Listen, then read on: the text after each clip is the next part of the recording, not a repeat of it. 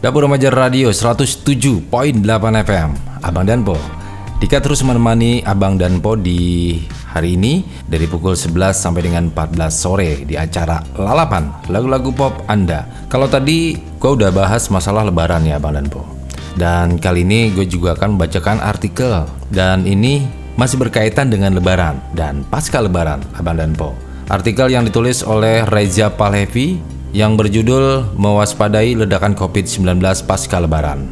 Jadi kita harus waspada nih Bang Danpo di suasana lebaran ini jangan terlalu euforia namun kesehatan prokes tetap dijalankan ya Bang Danpo. Artikel yang ditulis oleh Reja Pahlevi yang berjudul Mewaspadai Ledakan COVID-19 Pasca Lebaran. Tahun ini pemerintah menyarankan masyarakat untuk berlebaran di rumah saja. Akan tetapi, masih ada yang bandel dan nekat untuk mudik. Padahal pergerakan massa seperti saat pulang kampung amat berbahaya karena bisa meningkatkan jumlah pasien corona. Dari pemudik yang dites massal, ketahuan sebagian dari mereka positif COVID. Kita harus ekstra hati-hati agar tak tertular. Kita sudah melewati dua kali Ramadan dan Lebaran di tengah pandemi, dan rasanya menyesakkan dada karena tidak bisa pulang kampung halaman. Akan tetapi, larangan pemerintah untuk tidak mudik harap dilihat sebagai suatu positif. Karena serangan corona masih menggila, Daripada menularkan virus COVID-19 ke orang tua di kampung, lebih baik sabar dan berlebaran di rumah saja. Akan tetapi nih Abang dan Bo, ada sebagian masyarakat yang nekat untuk pulang kampung. Tim Satgas COVID-19 memperkirakan ada 7% warga sipil yang memilih untuk berlebaran di rumah orang tuanya. Ketika ada larangan mudik dan penyekatan jalan, mereka nekat beramai-ramai pergi dengan sepeda motor dan menerabas pembatas dan tidak menghiraukan peringatan dari aparat yang berjaga. Kenekatan para mudik ini yang harus kita waspadai karena pergerakan massa bisa menyebabkan klaster corona baru. Apalagi jika mereka berasal dari wilayah zona merah, akan bisa membawa bibit virus COVID-19 dan menularkannya di kampung. Jika ada banyak pasien corona baru, kapan pandemi akan berakhir? Teori ini terbukti ketika ada pengetesan rapid massal kepada para pengendara yang nekat untuk mudik. Sebanyak 4.000 orang positif corona dan harus isolasi mandiri. Jika mereka marah saat dicegat petugas, maka sebenarnya malah diselamatkan. Karena ketahuan kena corona sejak awal dan bisa diobati agar lekas sembuh. Para pemudik yang positif corona tidak merasakan gejala apa-apa alias jadi OTG. Bayangkan jika mereka tidak dites secara acak, lalu menularkan corona pada orang tuanya. Maka penularan akan makin menghebat dan mereka yang sudah sembuh bisa dengan mudah drop. Lalu kemungkinan terburuknya adalah meninggal dunia. Karena rata-rata orang tua sudah punya penyakit bawaan. Untuk mencegah ledakan COVID, selain taat untuk berlebaran di rumah saja, kita juga harus tegas dalam menolak kedatangan tamu, walau tetangga sendiri. Maka umumkan dengan ketulusan hati bahwa tahun ini tidak ada open house karena takut menimbulkan kerumunan dan tak bisa menjaga jarak. Lebih baik mencegah penularan corona dari lingkungan terdekat daripada mengobatinya. Untuk menggantikan silaturahmi, maka selain video call, kita juga bisa mengirim parcel atau hantaran makanan kepada tetangga, rekan kerja, atau saudara. Mereka akan sangat senang karena mendapatkan kejutan manis. Dengan cara ini, maka tali silaturahmi masih terjaga dan juga berpahala karena membuat orang lain bahagia. Cara lain untuk mencegah penularan corona saat libur lebaran adalah dengan berdisiplin untuk di rumah saja. Meski ada restoran, mall, dan tempat umum lain yang buka, tetapi kapan-kapan saja perginya.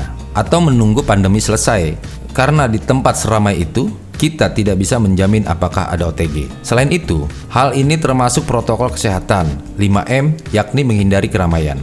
Mencegah penularan corona dengan tidak makan bersama di restoran wajib ditaati, karena saat mengkonsumsi nasi dan kawan-kawan, otomatis akan melepas masker. Jika ada satu saja OTG di sana, apa mau tertular virus COVID-19? Delivery order atau lebih baik dine in? Ingatlah bahwa jumlah pasien corona di Indonesia masih mencapai 1,7 orang dan jangan sampai Anda jadi pasien berikutnya. Sayangilah nyawa satu-satunya dengan mentaati aturan. Tidak pulang kampung, tidak mengadakan open house, dan mengurangi bepergian keluar rumah. Taatilah protokol kesehatan dan semoga kita semua bebas corona. Penulis adalah kontributor Lingkar Pers dan mahasiswa Cikini.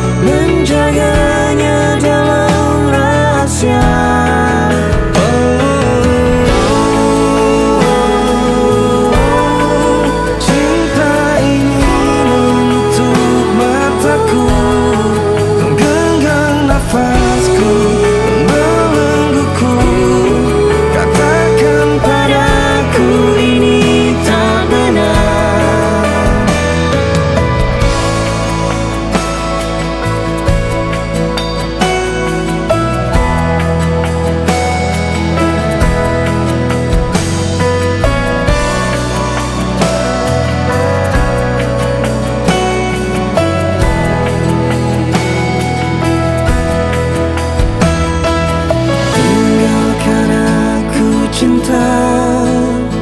Meski luka kini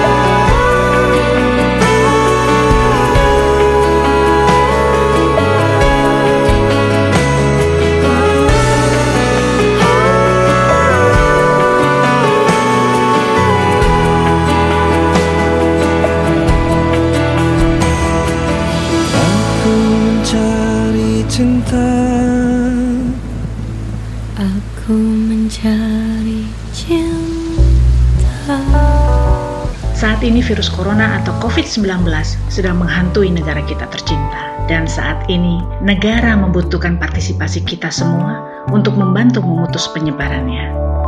Kita bisa melakukan social distancing atau pembatasan sosial dengan menjaga jarak sosial, membatasi kontak tatap muka, menghindari keramaian, mengurangi penggunaan transportasi umum, mengurangi perjalanan yang tidak perlu, melakukan aktivitas dan pekerjaan secara online dari rumah. Ayo abang dan pok semua, bersama kita bisa lakukan the social distancing ini untuk membantu memutus penyebaran virus corona atau COVID-19.